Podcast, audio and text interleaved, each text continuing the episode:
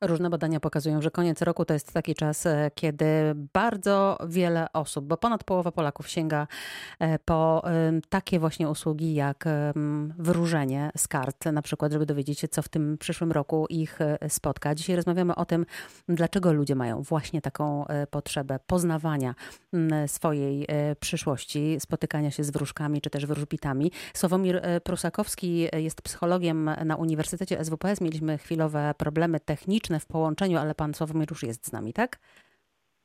Jestem. Panie Sławomirze, rozmawiałam z panią Moniką Patkowską, kiedy zerwało to nasze połączenie na temat tego, że bardzo często zdarza się, że nawet wśród jej klientów, którzy się do tego e, przyznają, że no, oni w to nie wierzą, e, ludzie się wstydzą tego, że korzystają z tego typu e, porad. Dla, dlaczego się wstydzimy? Czy dlatego, że, mm, że ktoś pomyśli, że jesteśmy niepoważni, nieracjonalni? Mhm pewnie warto by było zacząć tutaj odpowiedź od tego, że wstyd jest e, narzędziem do społecznej kontroli. Mhm. To znaczy, uczymy się już od małego dziecka, czego robić nie wypada.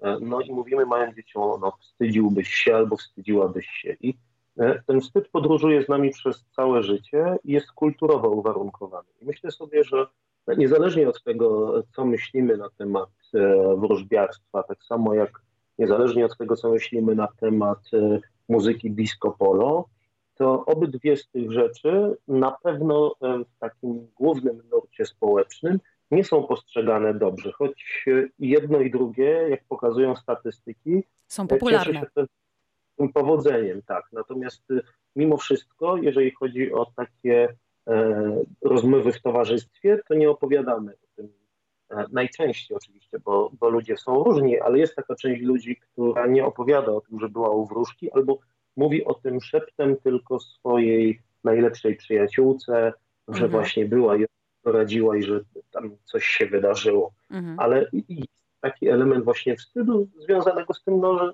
społecznie akceptacji dlatego tak dużej nie ma. Przynajmniej w dużych miastach, przynajmniej wśród ludzi e, e, tak zwanej inteligencji. Bo pewnie tak jak też e, E, e, pani e, Szeptucha mówiła wcześniej, na wsiach dużo częściej wraca się do, do takich naturalnych, tradycyjnych sposobów pracy z ludźmi, też między innymi właśnie leczenie ziołami, mhm czy właśnie takie porady od serca, od szeptuchy. Racjonaliści na pewno by powiedzieli, że to jest, e, że to jest nieracjonalne. E, no właśnie, ale pytanie do pana też mam takie, e, że skoro człowiek wie, że robi coś, no zakładam, nieracjonalnego, a jednak to robi i widzi w tym korzyść, to dlaczego to robi?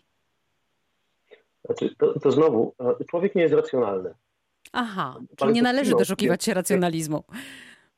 No, my, my staramy się mhm. racjonalizować to znaczy, że my bardzo często po fakcie, kiedy podejmujemy, podejmujemy decyzje emocjonalne, szukamy uzasadnień, które uprawdopodobniałyby naszą decyzję. Natomiast w bardzo wielu sytuacjach te decyzje nie są racjonalne.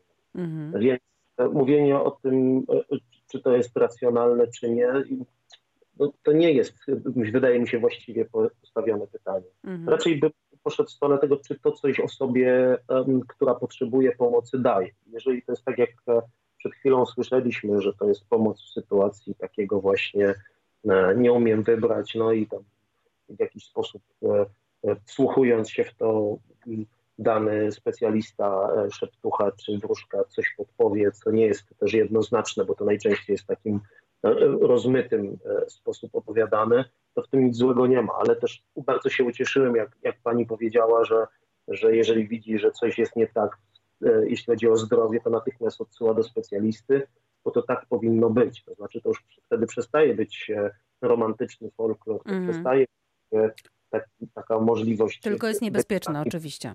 Mhm. Tak.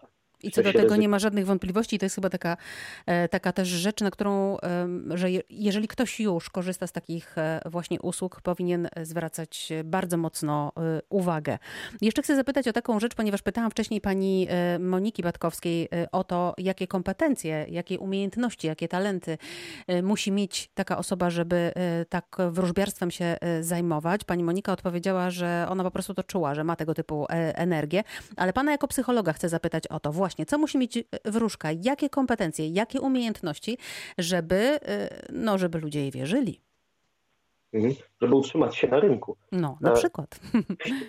że bardzo dużo kompetencji takich społecznych, to znaczy właśnie umiejętność nawiązywania kontaktu, umiejętność budowania takiej bezpiecznej przestrzeni, w której klient może się otworzyć, no i też w dużym stopniu umiejętność budowania własnego autorytetu, bo badania pokazują, że ludzie wierzą wtedy, kiedy mają poczucie, że właśnie spotkali się z ekspertem, ekspertką. W związku z tym mhm. zbudowanie takiego, e, obudowanie tego takim właśnie mistycznym, na różne sposoby obrazem specjalisty bardzo pomaga w tym, żeby właśnie e, ludzie wierzyli w, e, w czary i w takie przepowiednie. Jest taki przepiękny eksperyment, jest taki psycholog, który się nazywa Bertram Forer, i on dał ludziom do zrobienia niby test osobowości, a tak naprawdę coś losowego, a potem e, na podstawie tego przedstawił im treść ich osobowości. Mhm. I to, co on zrobił, to stworzył taki, taki opis, który wszystkich dotyczy. Czyli na przykład masz potrzebę, by ludzie cię lubili i podziwiali, jednak jesteś osobą krytyczną wobec siebie. Kto o tym nie marzy, albo kto nie ma tego typu problemu, prawda? Tak, tak. Mhm. I wszyscy czasem o sobie myślimy. I to jest cała seria takich zdań, które ten sposób powiedziane do każdego trafia, albo prawie do każdego. I okazało się, że e, później proszono tych studentów o to, żeby powiedzieli, czy ta analiza jest nietrafna, czy trafna. I na skali od 0 do 5 powiedzieli 4,26, bo wierzyli, że to był test psychologiczny, bo wierzyli, że to był specjalista. Mm -hmm. W mhm. różnych obszarach tak właśnie się dzieje. E, ja przypomnę, że cały czas jest e, z nami pani Monika Patkowska. Oddałam teraz głos wyłącznie panu Sławomirowi Prusakowskiemu z Uniwersytetu SWPS, ponieważ straciliśmy go na chwilę e, technicznie. Do rozmowy z panią Moniką i panem Sławomirem wracamy za chwilę. Teraz muzyka.